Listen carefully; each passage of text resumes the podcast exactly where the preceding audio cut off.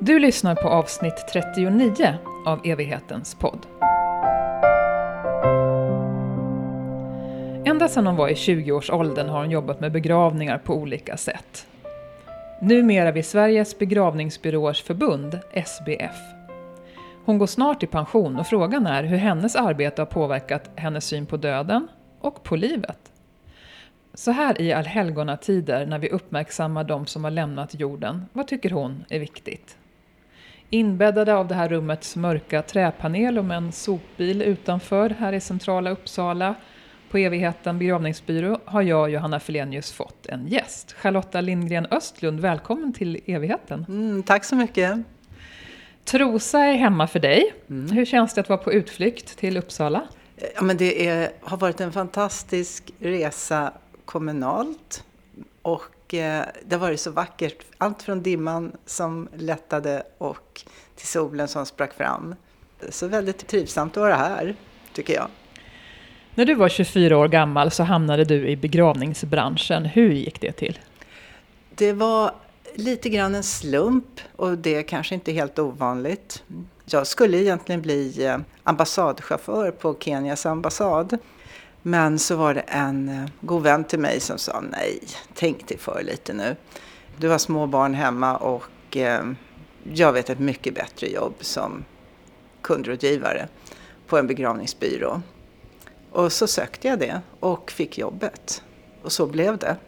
Men vad tror du att det var den här vännen såg hos dig som skulle passa? Det kan man ibland fundera på för att jag, ehm, jag hade inte de kvalifikationerna som man egentligen skulle ha och jag kunde inte skriva maskin för jag hade valt dans och dramatik istället och eh, var inte duktig på kontorsarbeten. Men däremot så har jag alltid tyckt om människor. Och det kanske var det som han såg att det här kan nog vara ett jobb som passar. Och hur kommer det sig att du stannade kvar i begravningsbranschen?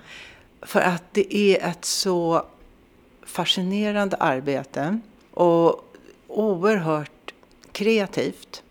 Och sen är det ju kundmöten, det är ju samtalen.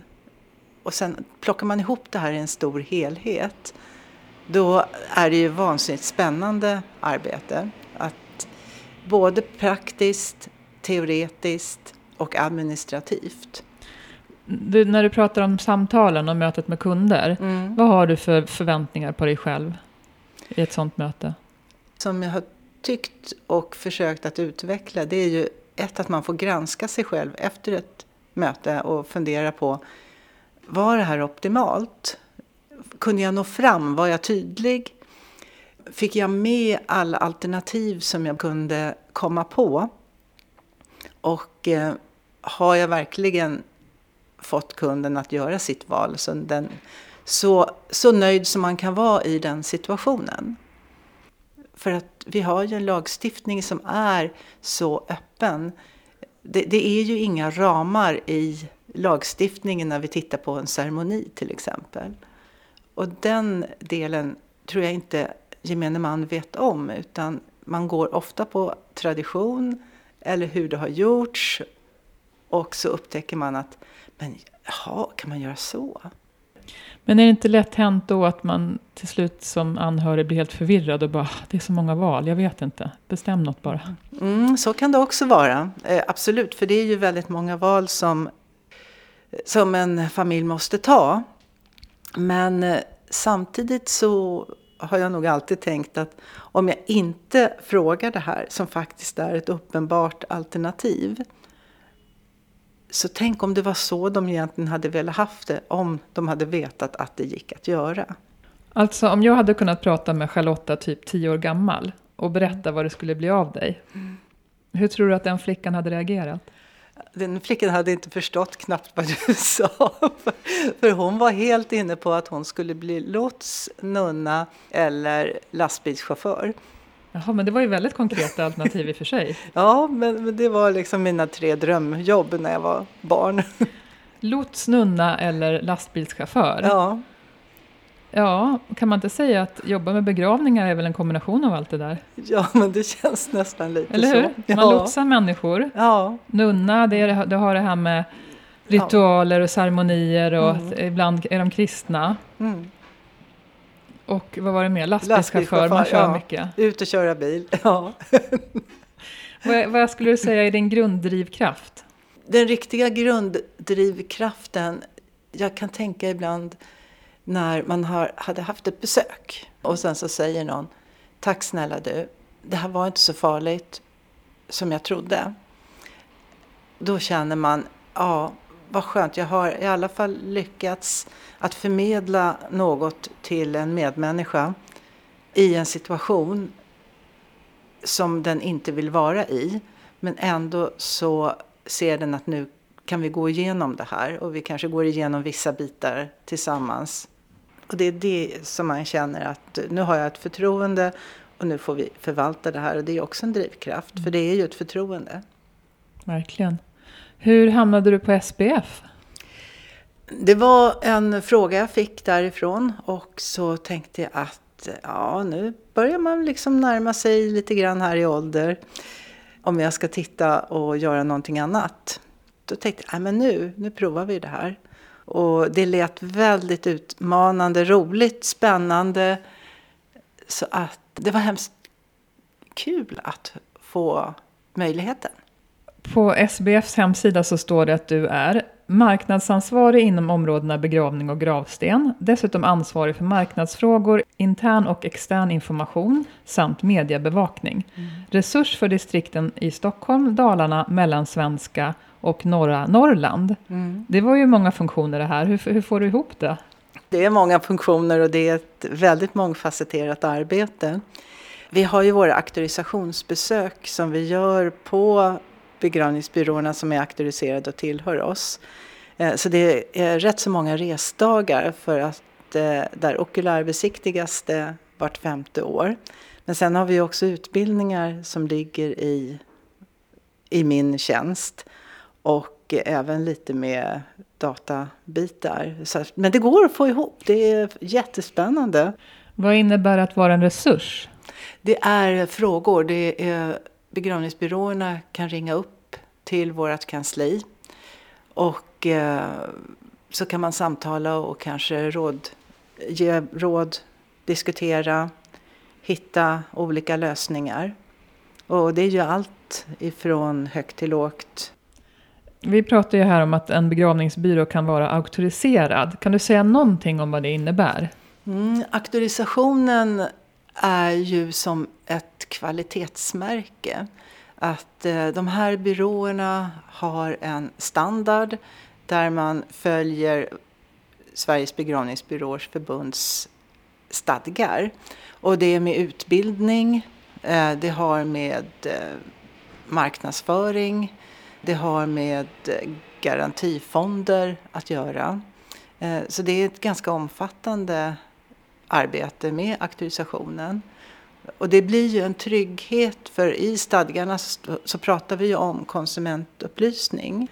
Och det här är ju en trygghet för konsumenterna att, att ha det här i ryggen, att en auktoriserad begravningsbyrå, ja det finns ju faktiskt trygghetsfaktorer där som man kan utnyttja som en konsument också. Om man vill läsa mer som konsument så kan man gå in på begravningar.se och där står det om auktorisationen och om våra olika utskott och råd som vi har. Om du har anlitat en begravningsbyrå och så är du väldigt, väldigt missnöjd med någonting. Mm. Vad, ska, vad ska man göra då i efterhand? Ja, det man kan göra, kan man inte ha kommunikationen med byrån utan att det har, ja det fungerar inte. Det är sällan det händer kan jag ju säga, glädjande nog.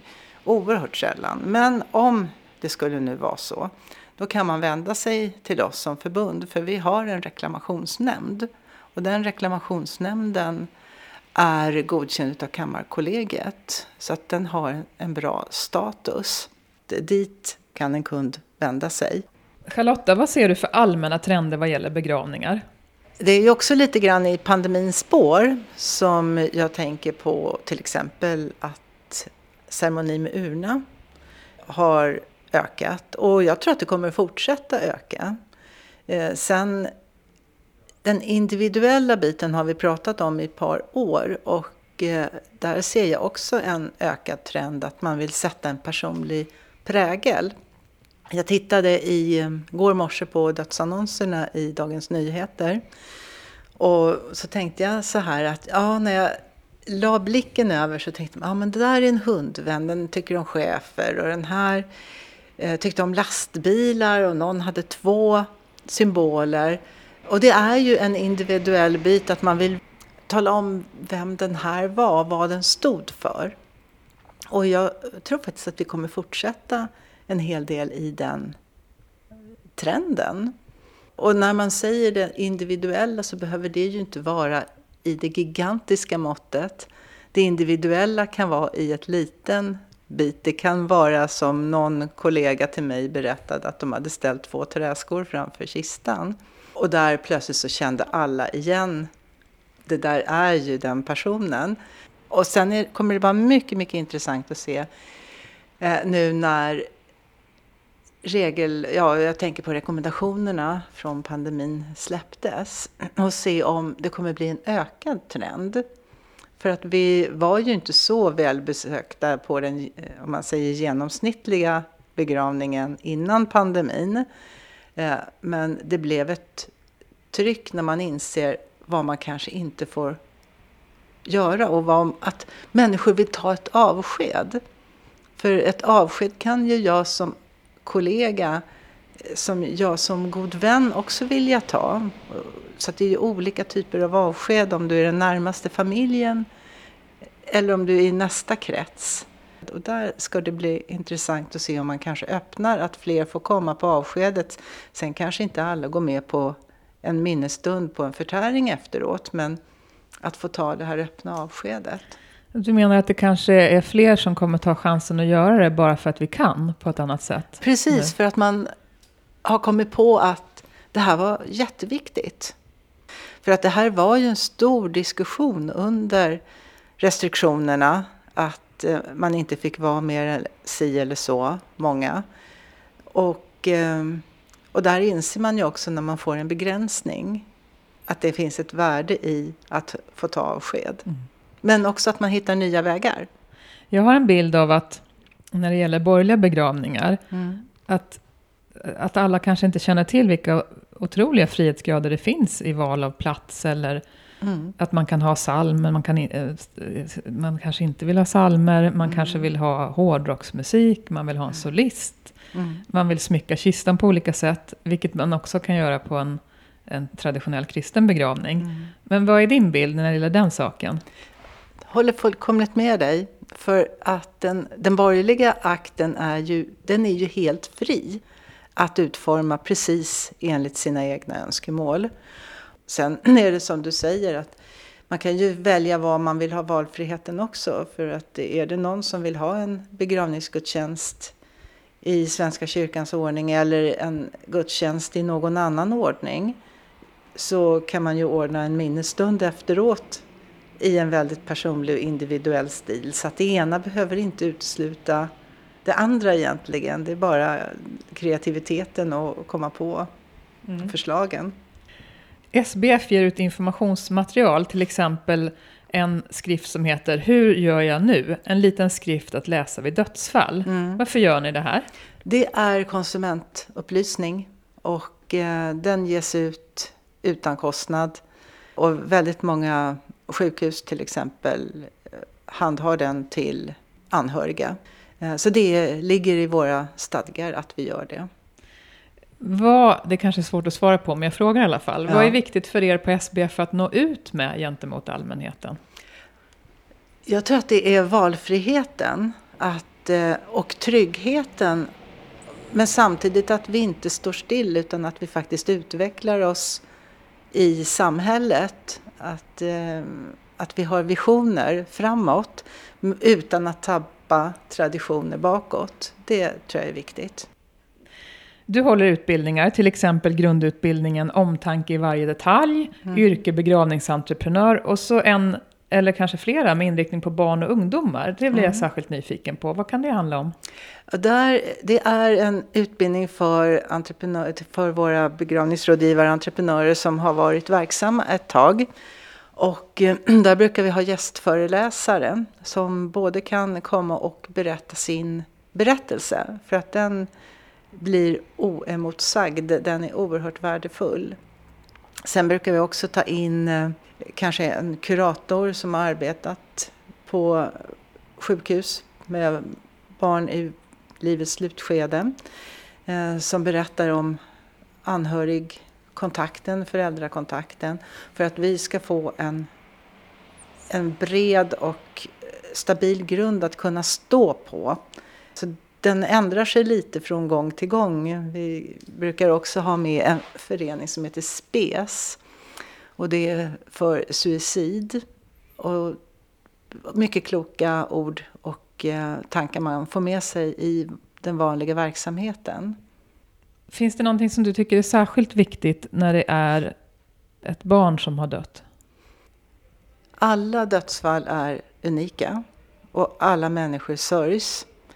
Och det jag tänker när det är barn och, mycket un och unga människor, det är att beställaren där är ju oftast en ung person och har inte heller med sig i bagaget kanske lika mycket erfarenhet, jag säger bara kanske, det här är generaliserade svar jag ger, eh, en, en person som kanske är 65 eller 70 som har upplevt dödsfall på ett annat sätt.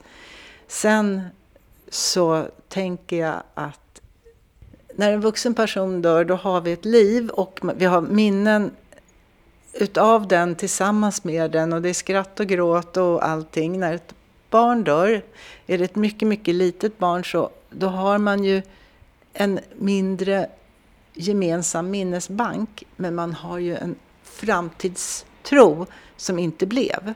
Eh, för att då har man ju en massa tankar på hur de flesta har i alla fall en massa tankar på att hur ska det bli och tänk nu och den och den. De här olika bitarna, det finns ju någonstans med. Och så blev det inte. Och, och den är ju knepig. Mm. Och där tror jag det är en, en viss skillnad.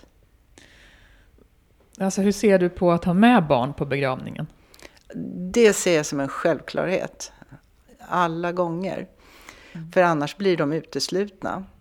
Ja, det tänker jag också. Att, Mm. att eh, en, en begravning skapar ju ett nytt minne. Mm. Och om barnen då inte fått vara med så Mm. blir det så konstigt att Mm. referera till det.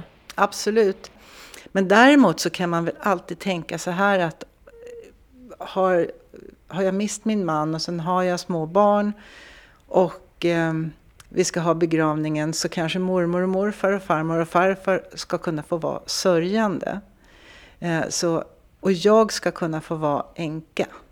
Att man tar med sig bekanta eller goda vänner som kan ta hand om barnen så att man får vara sörjande själv och placera sig var man sätter sig kanske i kyrkan eller hur man gör. Jag menar någon kanske är så liten att den behöver kravla ut. Ja, men ta med sig den som tar hand om barnet så går de ut en liten stund och kommer in ett tag igen.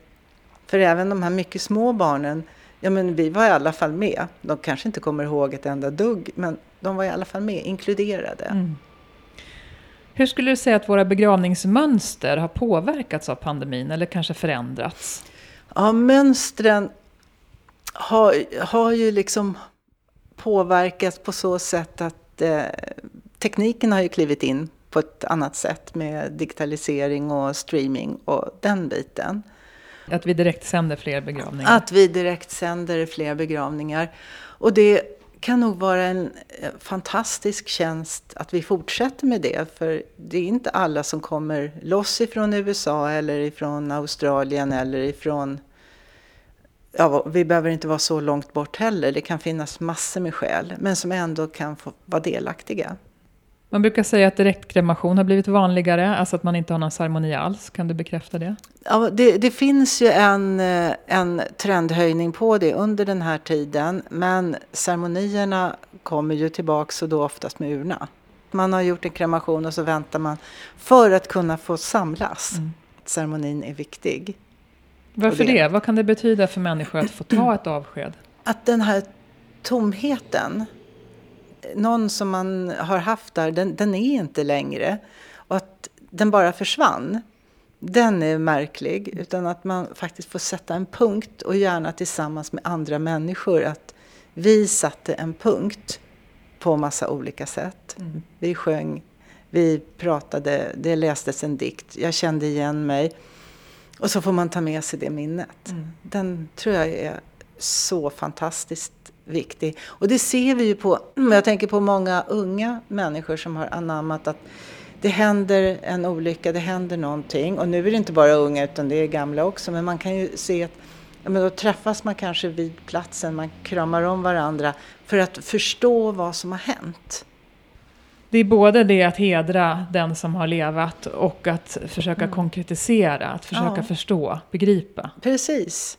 För att tar man en minnesstund efteråt, jag tänker inte bara själva ceremonin, utan om, om man skulle träffas efteråt och, och äta en bit eller dricka kaffe eller vad man nu gör.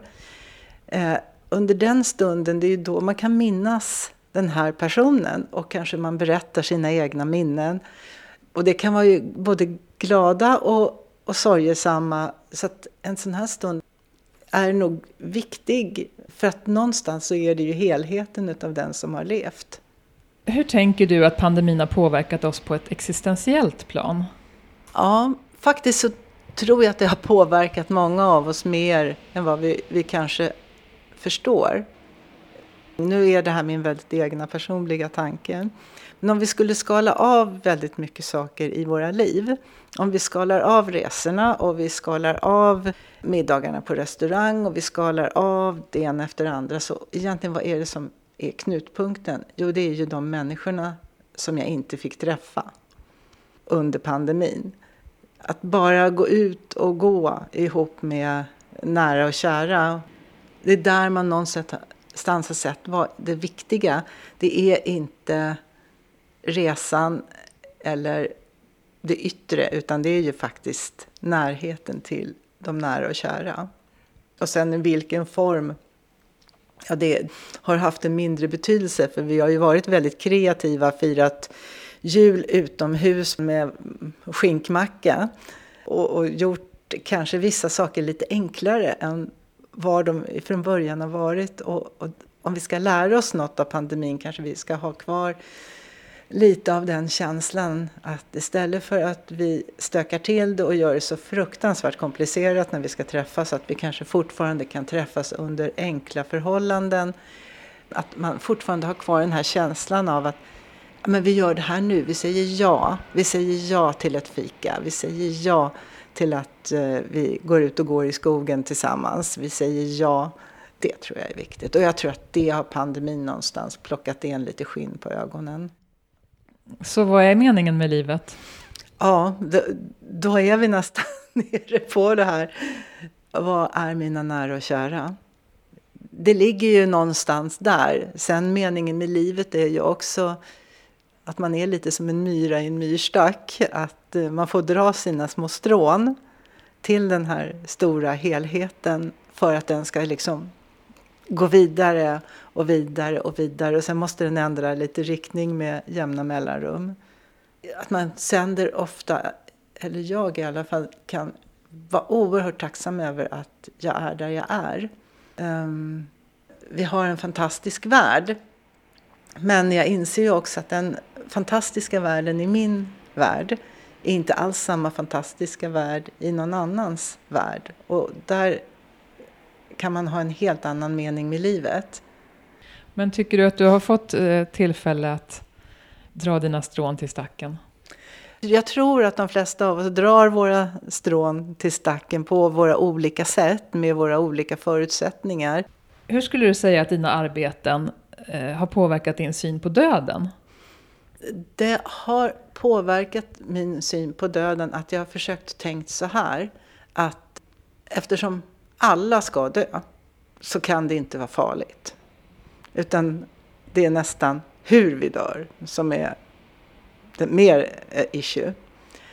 Och sen när jag var ganska ung då beslutade jag mig att inte åka hemifrån osams. Och nu pratar vi om att jag kanske var 25-26 år. Och jag har faktiskt aldrig gjort det sen dess. För jag är alldeles för egotrippad för att våga utsätta mig för att det ska hända mina nära och kära någonting. Och sen har man dunkat igen en dörr på grund av en skitsak. Har det varit uttalat eller är det någonting som du bär med dig? Det bar jag med mig. Men sen har jag nog sagt ibland, det betyder inte att jag inte tycker olika alls. Men det är inte slutvinjetten jag gör det sista, utan då får man säga att nej men, vi kommer inte komma överens om det här tror jag. Så du tar dig den tiden, även om du är liksom... Ja, jag, jag bryr mig inte om att bli så arg. Eh, inte då. Det kan jag bli på kopiatorn sen. Och hur tänker du att ditt arbete har påverkat din syn på livet? På livet så har jag försökt att vara tacksam för alla ljuspunkter och, och att få göra positiva saker. Och sen också lite grann skala bort. Jag, jag kände att nej, nu, jag lägger tid på fel saker. Och nu ska jag lägga tid på, på det som är viktigt för mig.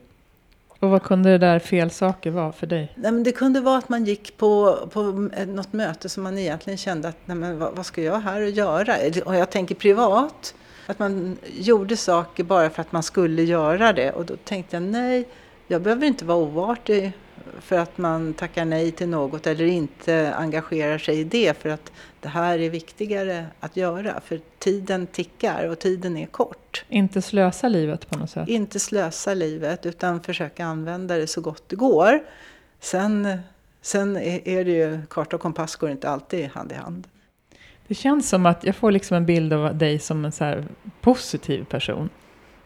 Ja, men, att du kan se ljuset även i mörkret och så. Men jag tror lite att det är faktiskt så. För ja, det är enklare att vara positiv än negativ. Visst har det varit, är det motigt i livet ibland, att det är riktigt tungt.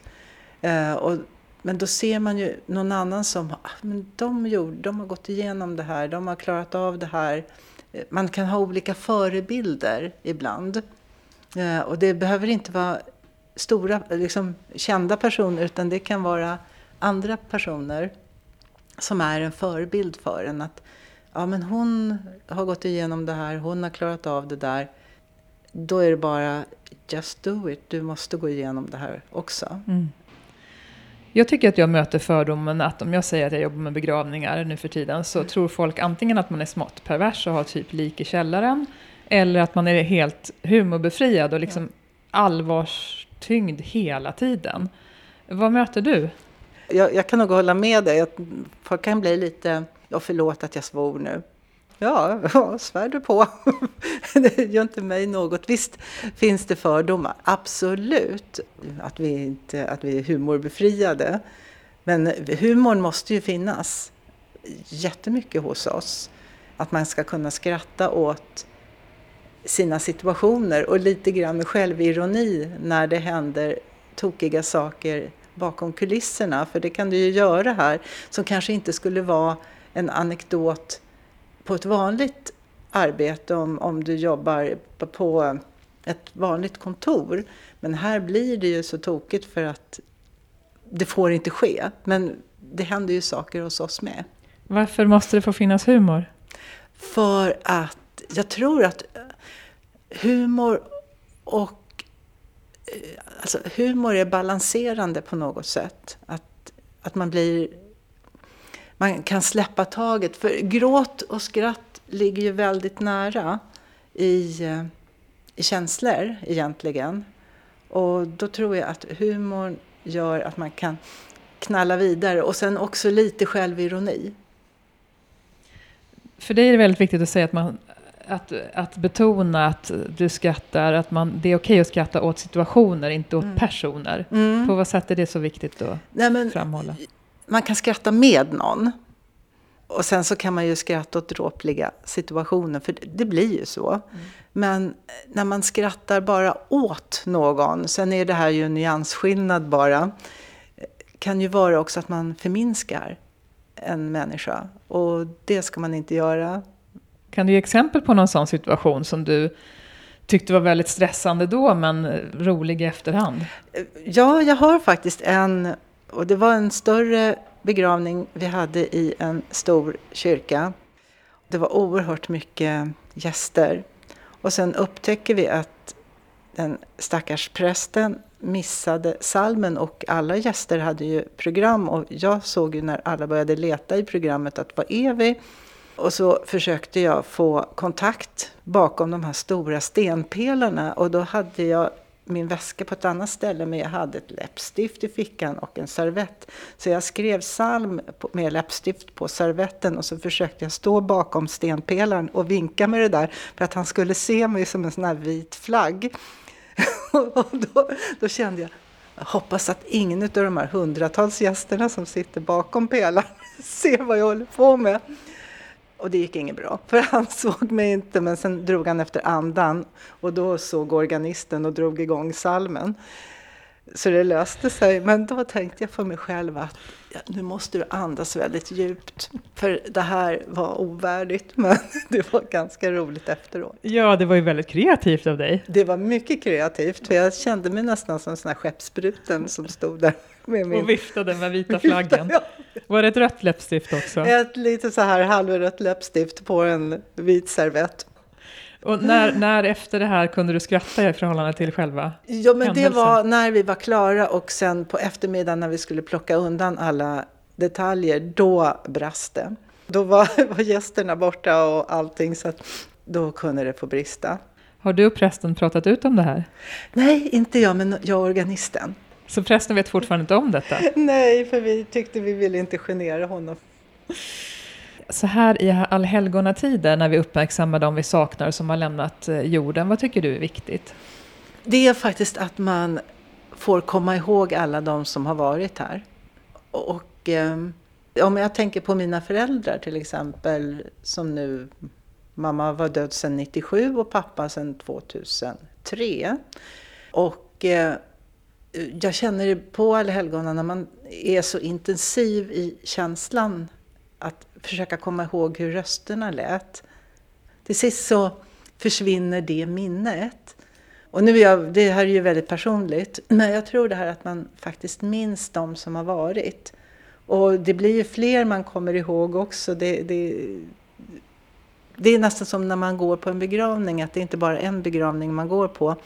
För det, man kan nästan känna tätheten utav att det är andra som man förnimmer också under den här begravningen. Mm. Och så är det ju med helgona också. Oavsett var i världen man är så får man det här minnet och jag tror att det är väldigt viktigt att man får vårda det en stund när det är riktat till det. Och sen även få den här ja, nästan skrämmande vackert känsla som är när man går på en begravningsplats under helgona.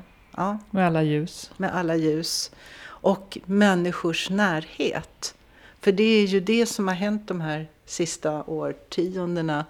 Att närheten, att det är så många som är ute så att det blir en täthet. Och alla har samma känsla på något sätt. Men ska det behövas en särskild högtid när vi gör det här? Kan man inte göra det här när som helst på året? Eller man kanske inte har någon grav att besöka?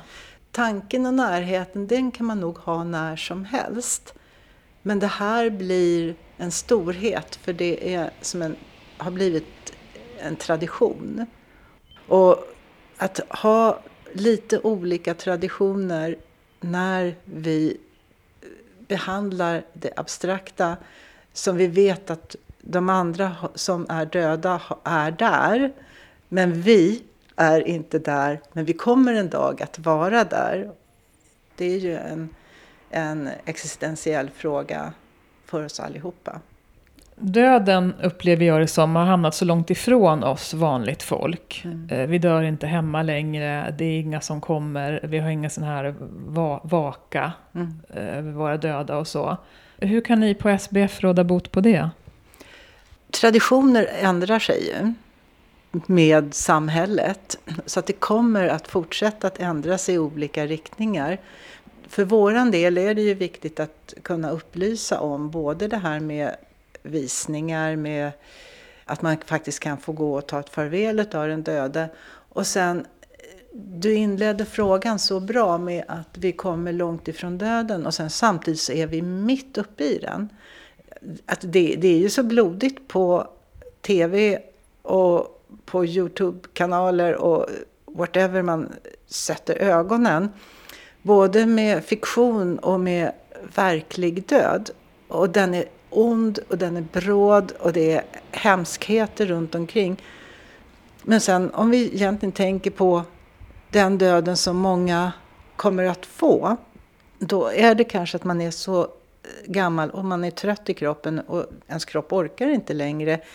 Så den här onda bråda döden som vi matas med, den är ju inte den normaliserade döden utan den är ju någonting annat. Och ibland tror jag att det här skrämmer, skrämmer människor. Att, eh, att, att man, man vet inte vad den är någonstans. Och då blir den otäck. Man orkar inte ta in den riktiga döden för att man har så mycket dödar runt omkring. De där dödarna, de fiktiva dödarna som vi omges av, mm. vad tror du att det handlar om? Att vi så gärna ser deckare eller någonting som inte liksom har med vårt liv att göra. Men det är väl spänningen som sagorna för. Men då när jag tänker, när man ser de här dödarna så blir de ju oftast eh, så otäcka. Men alltså man tänker den, man kan aldrig säga den vanliga, men den normaliserade döden, det är ju inget den är ju, det är ju inte otäckt att se den avlidna nära och kära. Och, och det, är, det är den biten, att, att vi har skärmat oss även ifrån det. Mm. Du går i pension till sommaren, hur känns det? Ja, det, det känns jättekonstigt för hon som sitter innanför de här ögonen och tittar ut, hon känner sig inte alls som att hon ska fylla 65 år och gå i pension. Vad är din mentala ålder då? Alltså jag tror ju att min mentala ålder är 50 och det känner jag, ju, wow, det är jätteungt.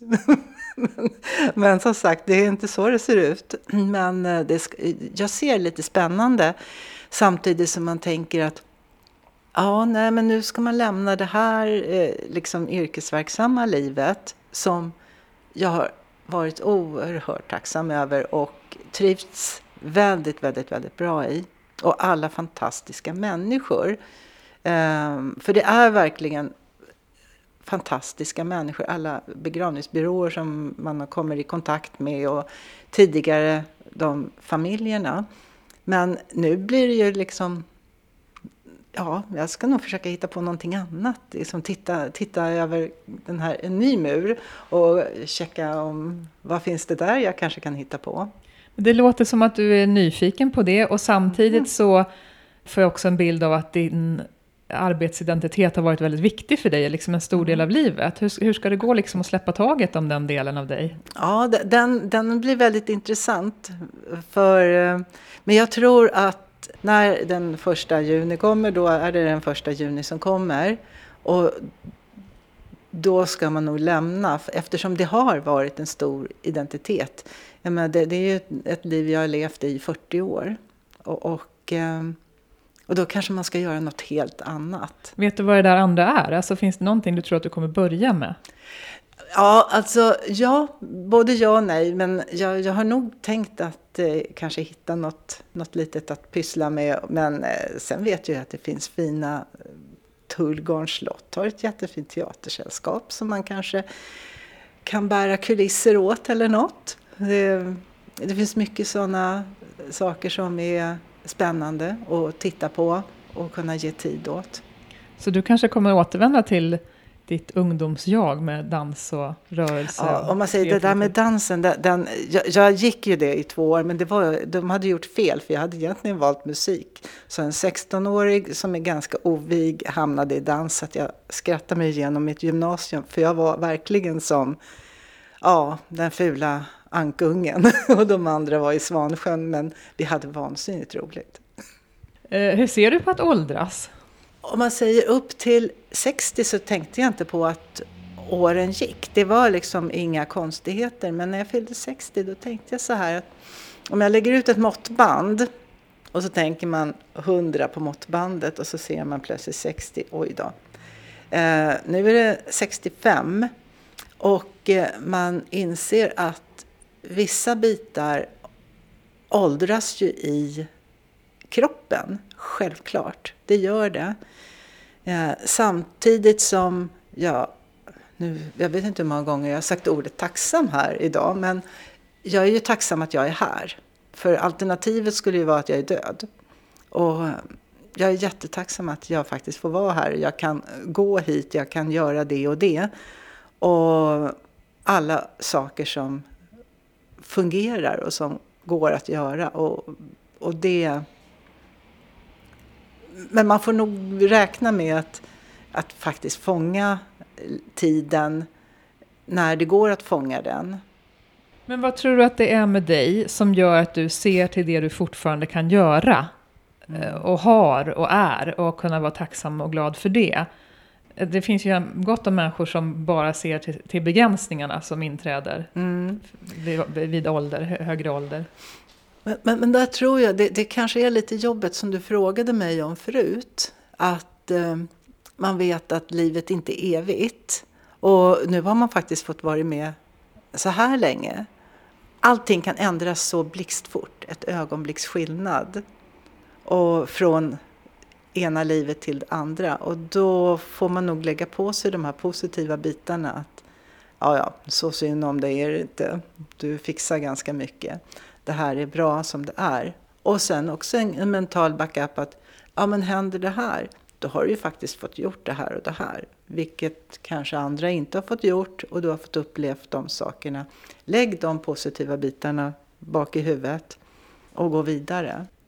Har du uttryckt dina önskemål kring din egen begravning? Ja, jag har skrivit i mitt digitala livsarkiv. Och det kommer bli jättetrassligt att hitta dubbeltider för jag har så mycket musik.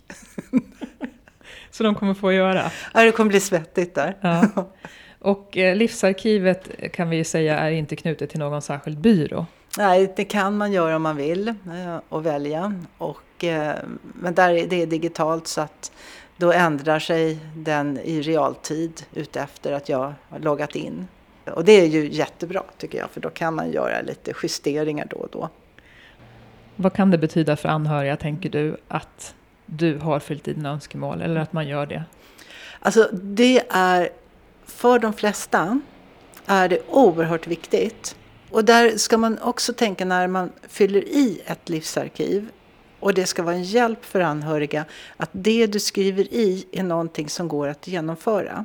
Att man inte önskar någonting utan att ha kollat att det faktiskt är genomförbart.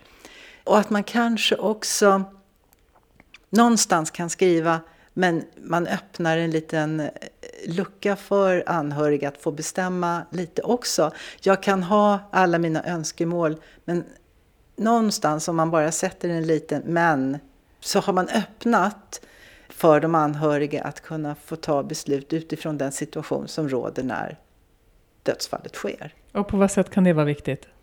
I och med att jag, som jag sa nu, nu har jag ju så mycket musik så att eh, här kommer vi harva runt i en ceremoni jättelänge.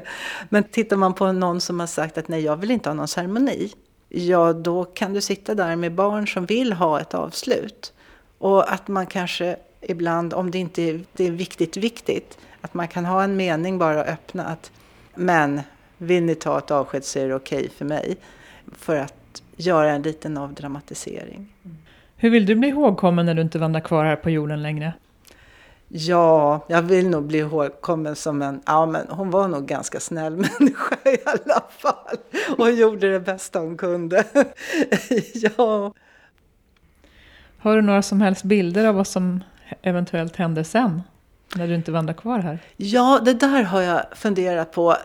Nej, du, du frågade om den här tioåringen och yrkesval. Men jag tänkte faktiskt på det här en dag att den här tioåringen var ju livrädd för att när domedagen kom, när allting skulle, allt du har sagt och gjort. Och då tänkte tioåringen att oj, oj, oj, vad har jag sagt och gjort nu? Men någonstans så tror jag att det blir någon form av I'll be back på något sätt. Men hur? Det har, jag får inte riktigt det där att gå ihop. Jag har försökt att sy ihop det. Men... Och vad inger det för känsla av att du ändå tror att du kommer tillbaka i någon form? Det kan ju vara en skräckblandad förtjusning med tanke på det jag sa förut, att man är tacksam att man är född där man är född. Ja, vi får se. Eller annars så väljer man att vara kvar där man är för att det är trevligare där.